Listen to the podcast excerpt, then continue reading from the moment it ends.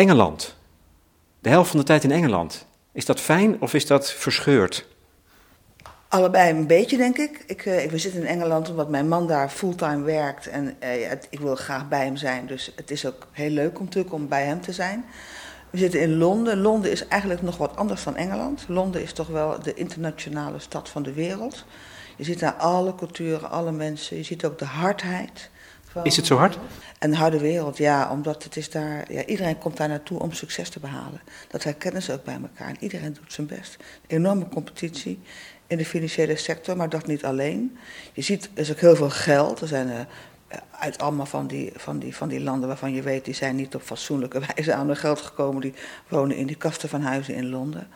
Um, dus het, het geeft je ook wel een zicht op hoe de wereld eigenlijk is. En ik denk altijd bij mezelf, als ik terugkom uit Londen, weer in Amsterdam kom, denk van, wat hebben wij hier toch een vriendelijk en relaxed landje eigenlijk.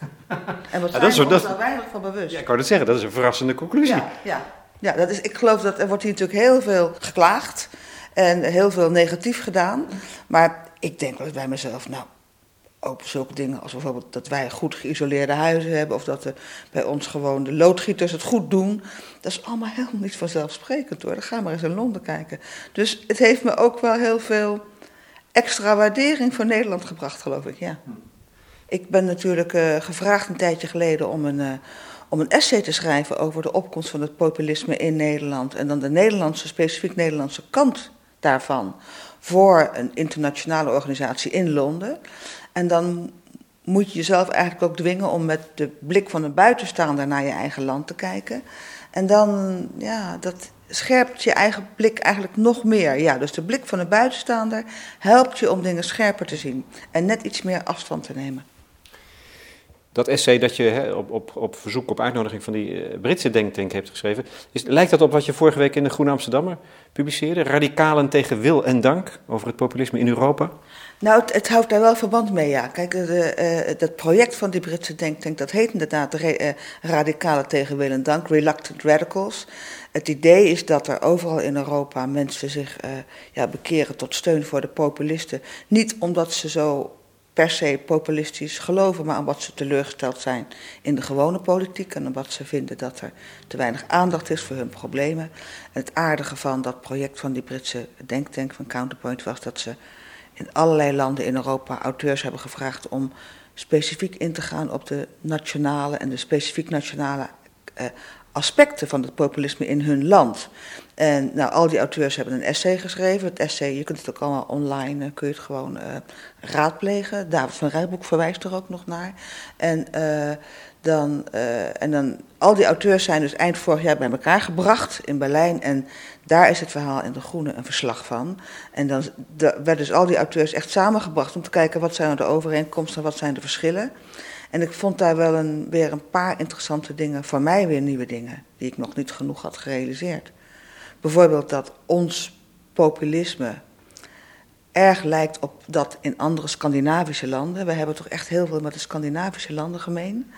Dat zijn ook landen met een, uh, met een egalitaire uh, samenleving. En bijvoorbeeld de Zweedse auteur uh, Göran Rosenberg, die zei dat er in Zweden veel boosheid heerst jegens een, een toplaag, die zich inmiddels ja, naar, naar internationale omstandigheden richten. En eigenlijk dus niet meer zich zozeer bekommert om wat er in Zweden gebeurt, maar die proberen loopbaan te maken, die proberen internationaal geld te verdienen. En die, die, horen, ja, die horen daarmee niet meer bij het Zweden, of die, die geven de rest van de Zweden het gevoel dat ze de Zweden de rug toekeren. En daar is dan boosheid over. Nou, dat is iets wat we in Nederland ook heel duidelijk gezien hebben. Dat, uh, dat, dat toch de elite wordt kwalijk genomen. Dat ze zich uh, internationaal zijn gaan richten. Dat, dat ze zich naar, naar het financiële centrum zijn gericht. Dat de universiteiten allemaal opeens een Harvard moesten worden. Dat er, zoveel, uh, dat er zo weinig meer betrokkenheid was van de hoger geplaatsten met de rest van het volk. Dus dat vond ik een hele interessante, uh, ja, toch weer een interessant inzicht. Betekent dat ook, en voordat we dan over het, uh, de Nederlandse variant doorpraten, Yvonne, betekent het ook dat als je ziet dat populisten in Europa elkaar proberen te vinden in politieke zin, dat je daar niet te veel van moet verwachten? dat, dat, dat die verschillen die er zijn, hè, nationaal gesproken, dat die zich dus ook op dat Europese niveau, platform, zullen gaan manifesteren. Nou, daar, daar, daar kun je zeker rekening mee houden dat ze elkaar ook het licht in de ogen niet gunnen. Het zijn natuurlijk allemaal nogal vechters, die partijen. En ook allemaal wel van die mannetjes, misschien ook wel enkel vrouwtje, maar dan toch wel dat soort types die naar, die naar boven komen. En ja, dus dat, dat, zal, dat denk ik ook. En ik denk ook dat het populisme. Er zit nog veel meer, er zitten veel meer kanten aan. Dus voor de Europese verkiezingen, ja, dat moet maar blijken of dat één fractie is en niet één kar vol met kikkers. B, het moet maar blijken of ze ook nog iets um, positiefs naar voren kunnen brengen. Ze, ze, vinden elkaar natuurlijk toch in het afwijzen van allemaal dingen. En dat is een belangrijke kracht. Maar het is misschien niet voldoende om, uh, om ook werkelijk uh, uh, een verschil te maken. Want je kunt wel overal tegen zijn, maar als je, je moet ook dingen willen veranderen of kunnen veranderen, wil je toch ook naar je kiezers toe laten zien dat je iets bereikt hebt. Dus dat is ook nog maar de vraag.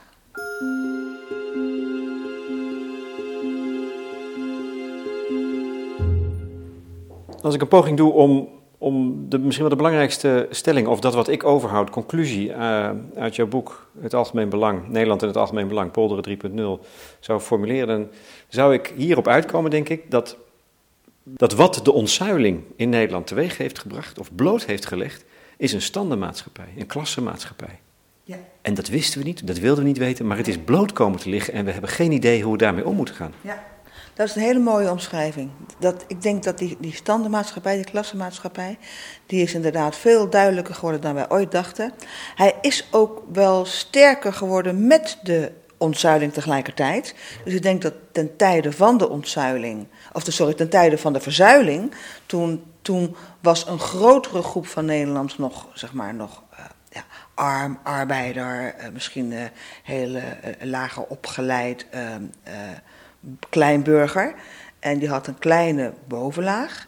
En terwijl de ontzuiling plaatsvond, dus we niet langer ons meer langs bepaalde zuilen organiseren, kwam er een nieuwe klasse op van hoger opgeleiden, die, uh, ja, die eigenlijk uh, zich verder zelf ontwikkelde, die het verder bracht, die die oude machtsstructuren ook eigenlijk omverwierp. Zo van, wij, wij zijn van een nieuwe tijd, wij gaan het allemaal op een nieuwe manier doen en wij, wij hebben goede ideeën daarover.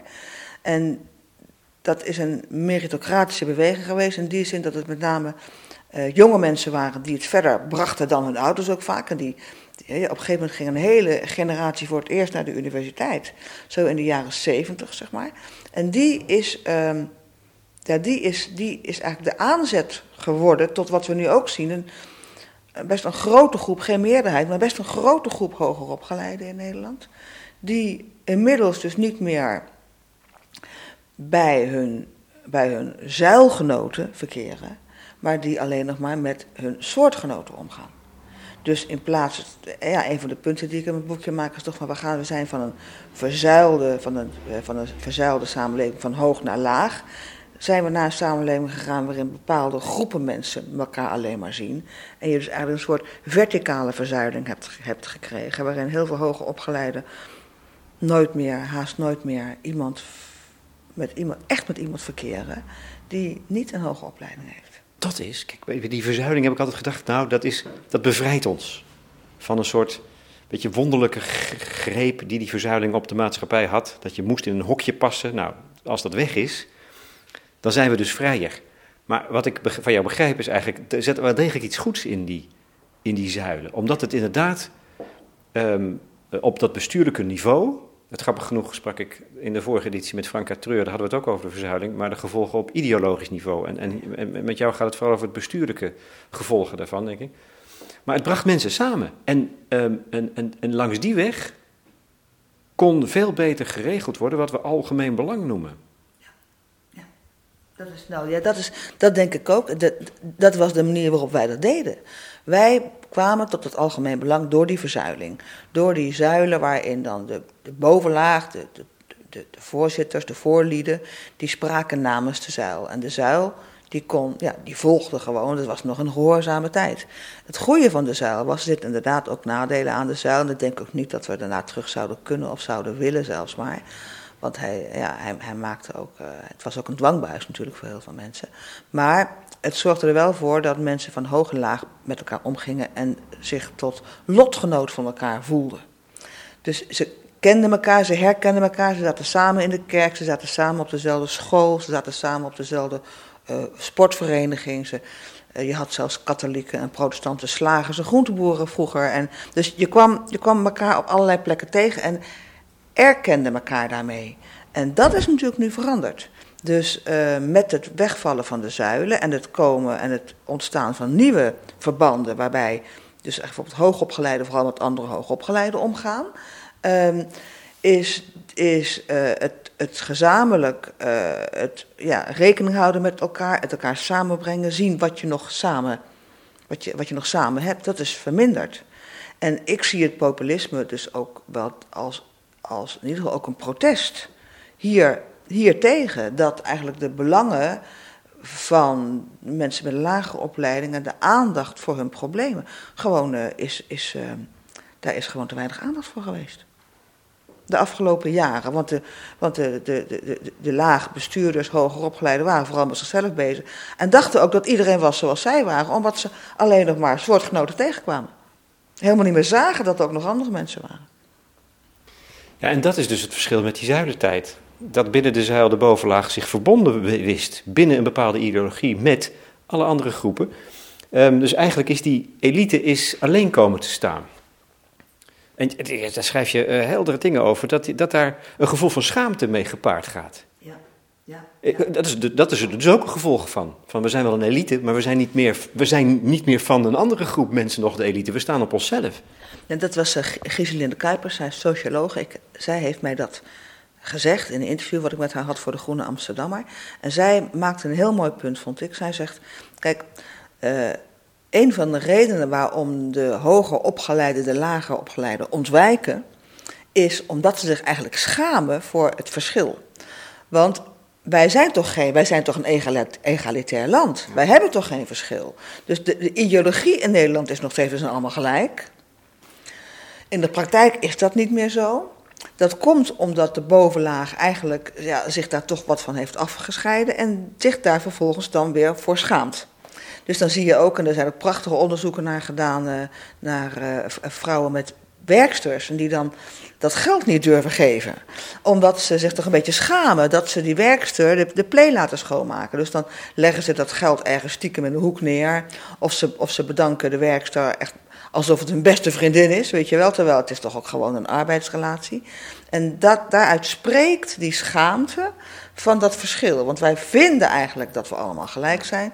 Maar het is niet meer zo. Die elite is behoorlijk geschrokken. Ook bijvoorbeeld de culturele elite. Die snapte, de, die snapte er niks van. Wat, wat overkomt ons nou? Precies, Nee, dat kon je heel duidelijk zien. Dat is bij de opkomst van Pim Fortuyn al. Dat mensen begrepen het totaal niet. En uh, dat is ook, later is dat ook wel, is dat ook wel eh, heel duidelijk verbeeld toen. Weet je, iedereen kent dat beeld nog wel van Ad, Ad Melkert en Pim Fortuyn. En, dat Ad Melkert zo, en wat je aan Ad Melkert zag, en later ook aan Wim Kok, herinner ik mij nog. Die, die, zeiden, nou kom op jongens, het gaat hartstikke goed. We hebben economische groei, alles gaat prima. Wat, wat lopen jullie nou te, zeuren?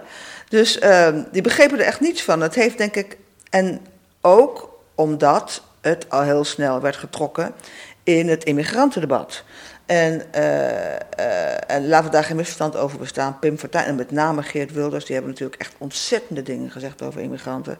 En ik vind ook zelf wat we daar de afgelopen jaren, hoe we dat hebben gedaan hier in Nederland. Uh, nou, dat is echt niet best. Daar word je, daar word, daar word je niet trots op je land van. Als, Alleen het populisme is niet alleen of zelfs maar voornamelijk een protest tegen emigratie. Dat is het punt wat ik probeer te maken. Nou, dat is het verwarrende. Het wordt door sommige mensen in een bepaalde hoek getrokken, terwijl er iets anders ligt daaronder, waarvan je zegt, ja, daar moet je heel, heel, heel, erg duidelijk oog voor hebben. Zo is het, zo is het. Ik, veel mensen dachten, als je nu maar, als je als je, je verzet tegen de, tegen de hè, toch wel de racistische of bijna racistische neigingen, van, dan, dan verzet je je tegen iets en dan doe je goed werk, maar dan luister je nog niet naar wat daaronder zit. En dat is wat ik. En wat, dat is ook wat David van Rijbroek natuurlijk gedaan heeft. Het boekje van David, uh, pleidooi voor populisme. Dat is, prachtig. Ik weet niet of je het kent, maar dat, dat begint met een, met een fantastische scène. Dat hij met een, met een vriend staat hij dan in een, in een appartement in Knokken. En dan kijken ze zo over die boulevard waar dan het volk loopt. Schokkend, te sloffend, te friet, te eten. En ze zien er niet uit en ze zijn dik en ze zijn lelijk. En, ze, en, en, dan zegt een vriend van hem zegt van, nou, gelukkig dat wij daar niet bij horen. Of de mensen maken allemaal een beetje grapjes te maken over die mensen, met als ondertoon, ja, dat is natuurlijk niet ons soort mensen. En, en, en dat beschrijft eh, David heel treffend hoe hoogopgeleiden zich ook werkelijk, ook cultureel, van de gewone mensen hebben, hebben, hebben, hebben verwijderd. Dus, dus je, je stuit op de paradox van de elite die het eigenlijk niet meer wil zijn. Maar die het wel degelijk is, omdat ze ervan profiteert. Ja, nou, ja, ja ze, ze willen het misschien niet zijn. En ik denk, ik denk ook dat ze heel veel aanzien uh, gewoon verloren hebben. Ik denk dat heel veel mensen die niet tot elite behoren, denken die elite, die, die gaan alleen maar voor zichzelf. Dus het idee dat je vroeger, het idee had dat een elite ook een, uh, uh, een soort uh, leidende rol had. En een soort noblesse oblige van, die moeten het voortouw nemen, die zijn vanwege hun stand verplicht om zich met het algemeen belang te bemoeien en, en de weg te wijzen. En ik heb niet het, het idee dat de elite nu in Nederland nog die positie heeft. Ik hoorde net, ik hoorde laatst weer van iemand dat bij een of andere ambtelijke dienst bij een provincie, daar moest dan worden ingekrompen, hadden ze besloten om iedereen onder schaal 12 eruit te doen. Maar vanaf schaal 12 was dat je nog veilig. En dan denk ik bij mezelf, ja, dat dat zomaar kan nou niet, maar dat kan kennelijk zomaar.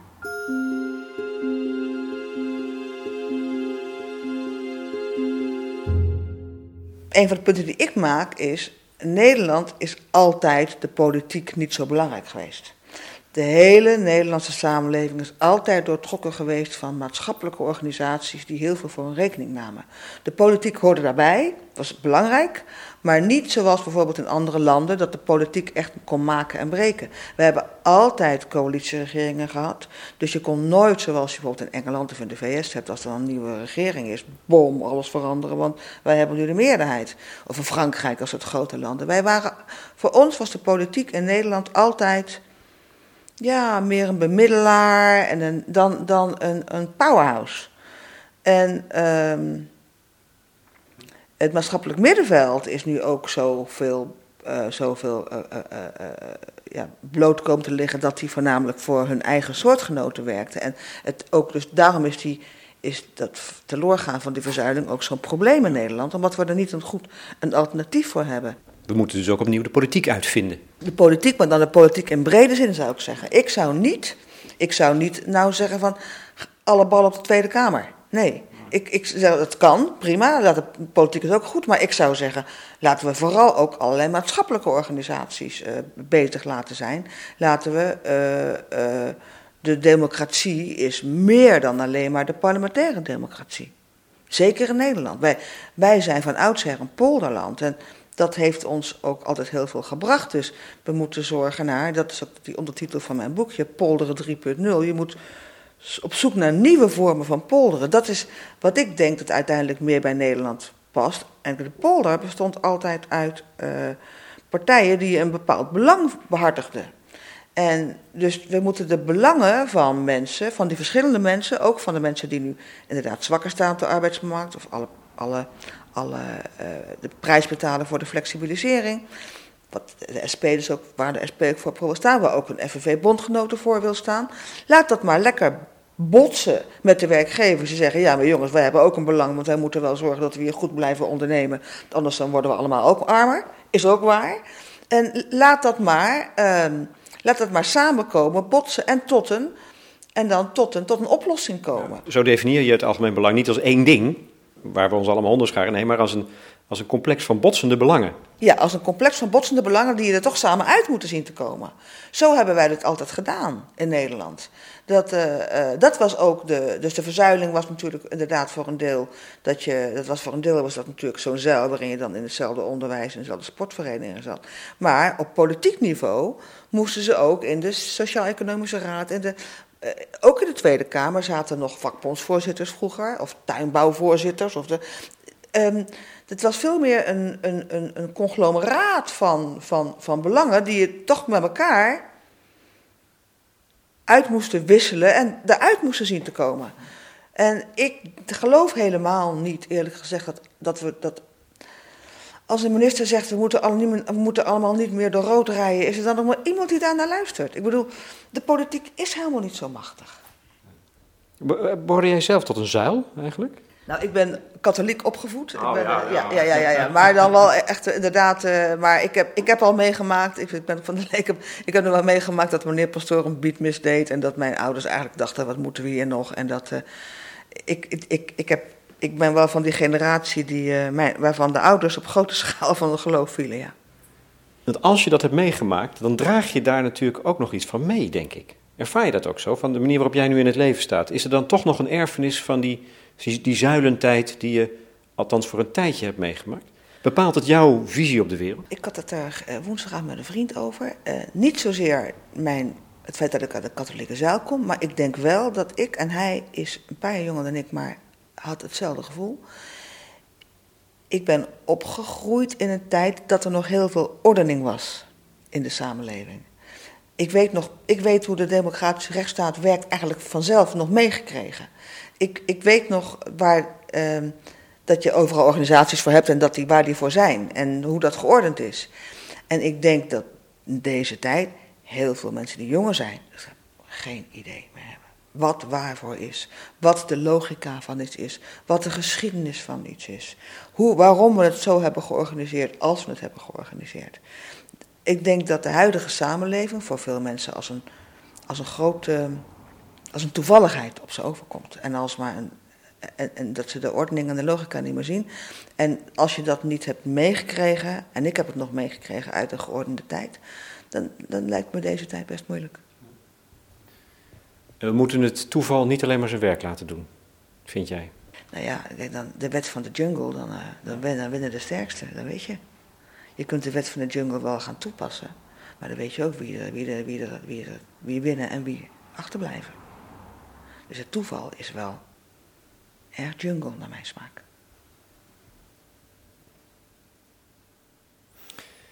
Nou, dan nu het goede nieuws. dat, dat er een, een derde weg is, een polderen 3.0. En je hebt uh, een serie gesprekken gevoerd met, uh, dat is dus alweer een paar jaar geleden denk ik, maar ik denk dat die nog net zo geldig zijn. Ze staan trouwens nu nog op je website. Ja zag ik. Uh, en, en het residu daarvan zit eigenlijk in dit boek, denk ik. Nederland en het algemeen belang. Uh, dat er een ant antwoorden mogelijk zijn. want nog, nog, even terug bij het idee van nou, die zuilen leverden op dat de elite binnen zo'n zuil, die regelde het eigenlijk. met de andere elites van de andere zuilen. En zo ontstond een, een gedeeld belang, namelijk het algemeen belang. Dat, dat spel kan niet meer zo gespeeld worden. Eén ding is denk ik, zoek het op het niveau van de gemeente. Bijvoorbeeld, bijvoorbeeld. Het is een, dat, dat gebeurt natuurlijk ook al. Je ziet dus dat gemeentes al veel meer, uh, uh, ja, veel meer beleidsvrijheid krijgen. Dan ook wel weer, het is ook wel weer een bezuiniging, dus het is niet alleen maar positief. Maar gemeentes krijgen wel meer de gelegenheid om zelf voor hun eigen specifieke omstandigheden uh, dingen te maken, beleid te maken, regels te stellen. Um, tegelijkertijd zie je ook dat er allerlei nieuwe clubs ontstaan die, die, die, uh, ja, die de belangen behartigen van een, van, van bepaalde groep mensen. Uh, nieuwe pogingen om, uh, om aan een vorm van, van, van, van inspraak te doen. Om, ik sprak laatst met Wiebe Draaien van de SER, voorzitter van de SER. En die, ja, die, die is heel geïnteresseerd in, wat ik ook in mijn boekje beschrijf, in, in vormen van ja, burger, burgerfora die dan kunnen worden gevraagd om mee te denken over, over problemen en over vraagstukken. Politici in Nederland zijn vaak zo bang daarvoor, omdat ze denk, denken dat uh, bij bijvoorbeeld een referendum, dat dan de emoties hoog gaan opkomen of dat heel veel mensen niet komen opdagen. En, en daar is ook best wel wat, wat, wat, wat van waar, dat het allemaal niet allemaal even prachtig is. Maar ik sprak uh, een vrouw die dan in Denemarken bijvoorbeeld zes van die burgerfora gesprekken heeft gevoerd over de toekomst van de gezondheidszorg. En die zei, kijk, als jij mensen echt serieus neemt en uh, je luistert echt naar ze. De meeste mensen zijn echt niet dom, maar die weten ook wel dat de gezondheidszorg steeds duurder gaat worden. En dat we niet alles meer kunnen blijven betalen. En dat we misschien wel naar een nieuwe verhouding toe moeten van wat laten we door de gemeenschap betalen en wat moet je zelf maar doen. Want anders dan gaat dadelijk al ons geld op aan de zorg. En dat, dat kan simpelweg niet. En dat als je dat op een fatsoenlijke manier doet, mensen echt erbij betrekt en luistert en niet alleen maar een yes or no, maar ook echt de gelegenheid geeft om mee te praten, dat dan heel veel mensen daartoe bereid zijn en mensen daartoe ook, um, ook zelfs echt bijdrage kunnen leveren aan, uh, aan, aan, aan oplossingen.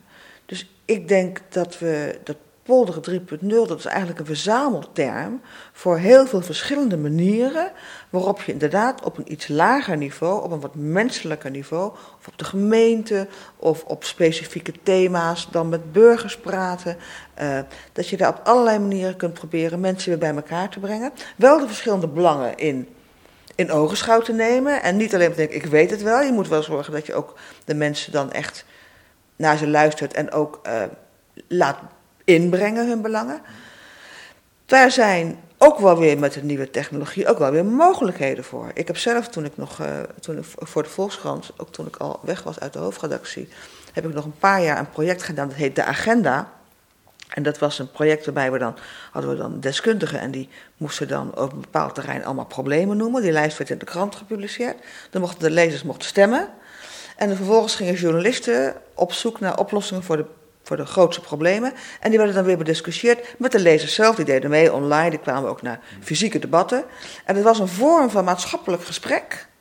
Waarbij je eerst ging zeggen, oké, wat zijn de grote problemen? En dan ging nadenken, en wat zijn de beste oplossingen? En nou, dat, de laatste agenda, dat was de onderwijsagenda, hebben 39.000 mensen aan meegedaan.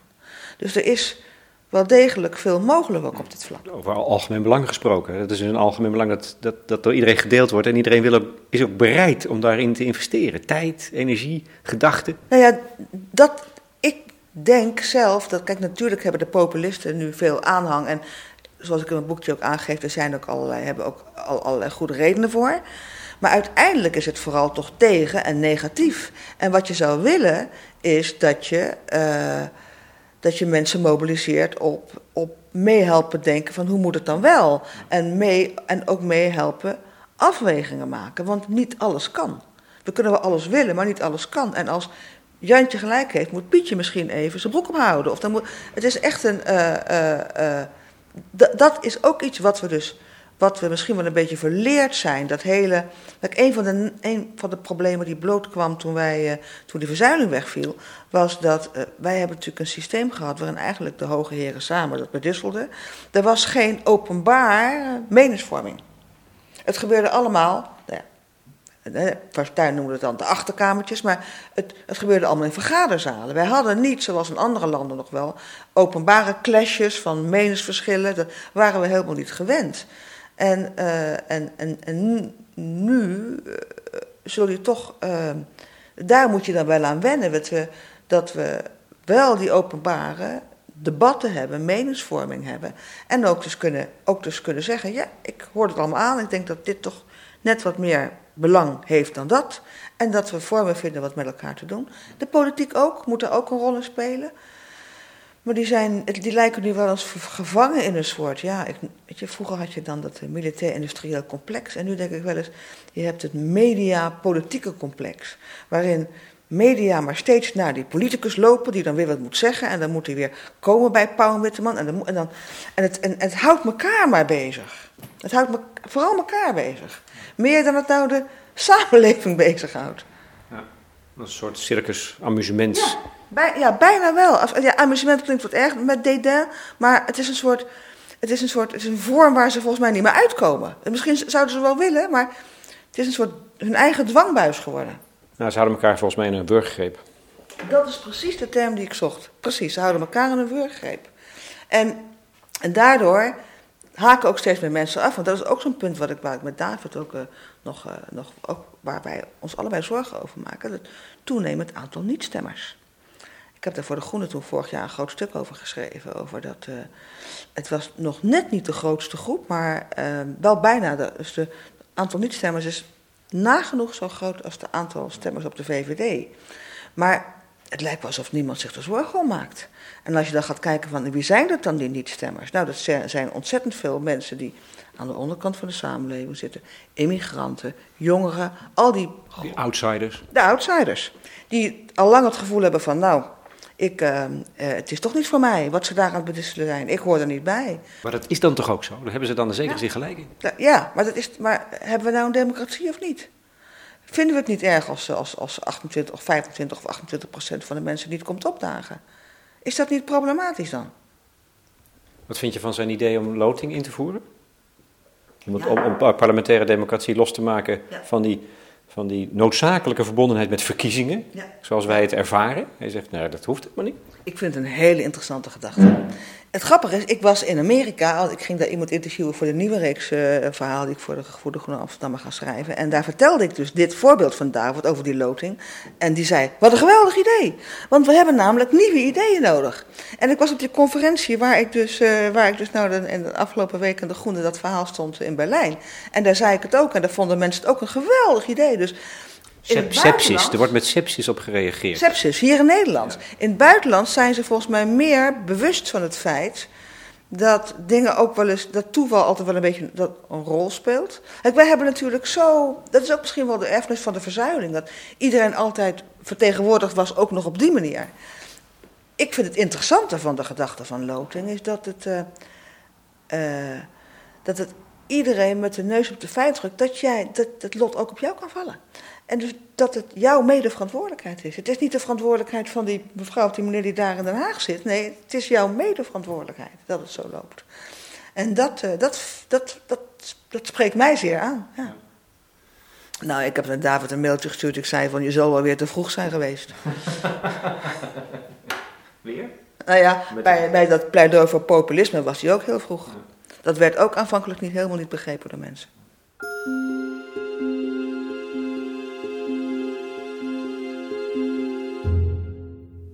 Coöperaties, mag je aannemen dat dat oude idee eigenlijk heel sterk is en, en, wel eens levenskrachtiger zou kunnen blijken te zijn dan we de laatste decennia gedacht hebben?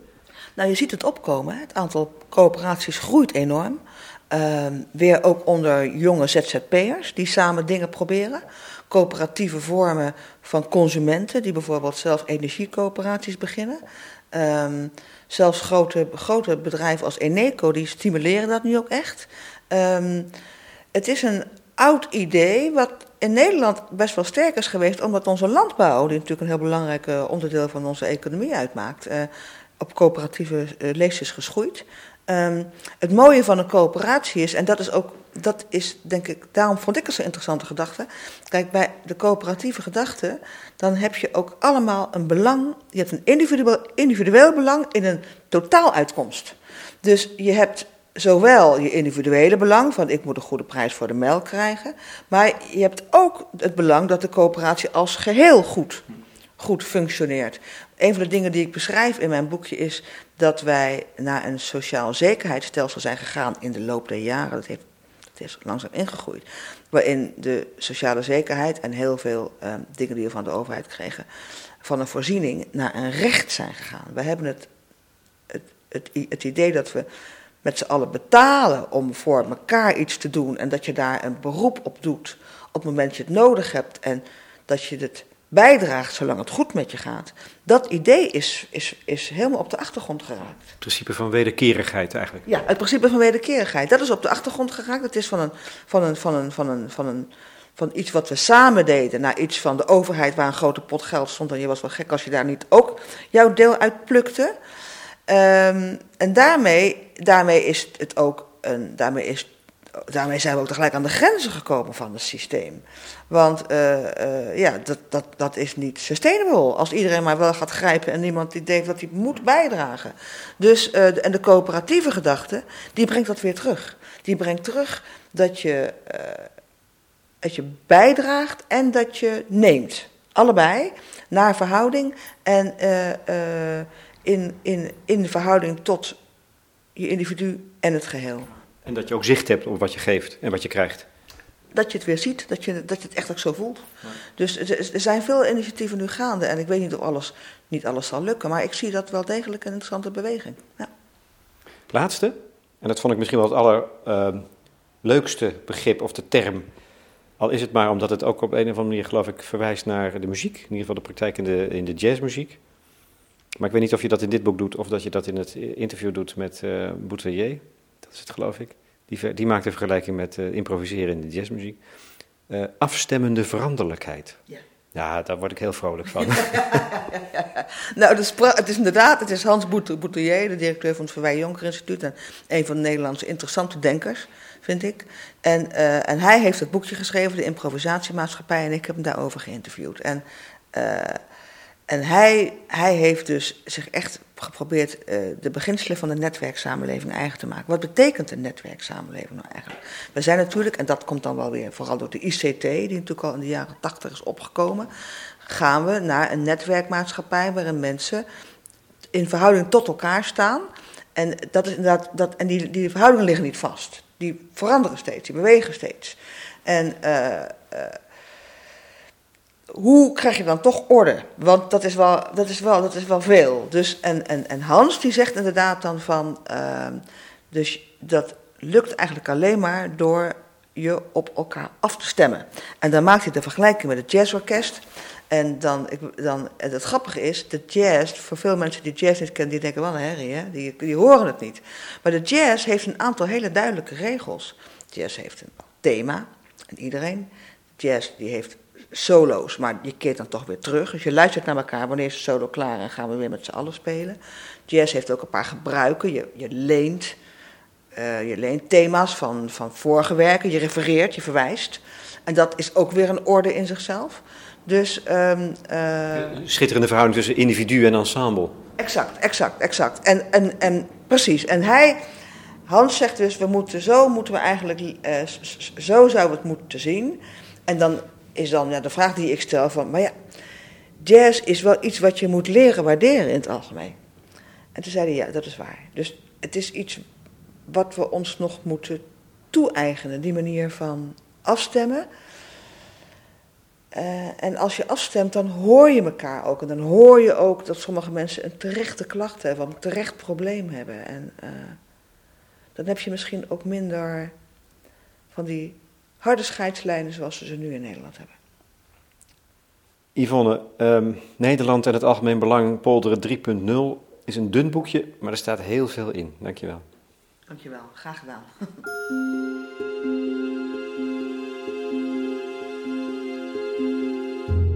Voor de correspondent Lex Bolmeijer in gesprek met Yvonne Zonderop.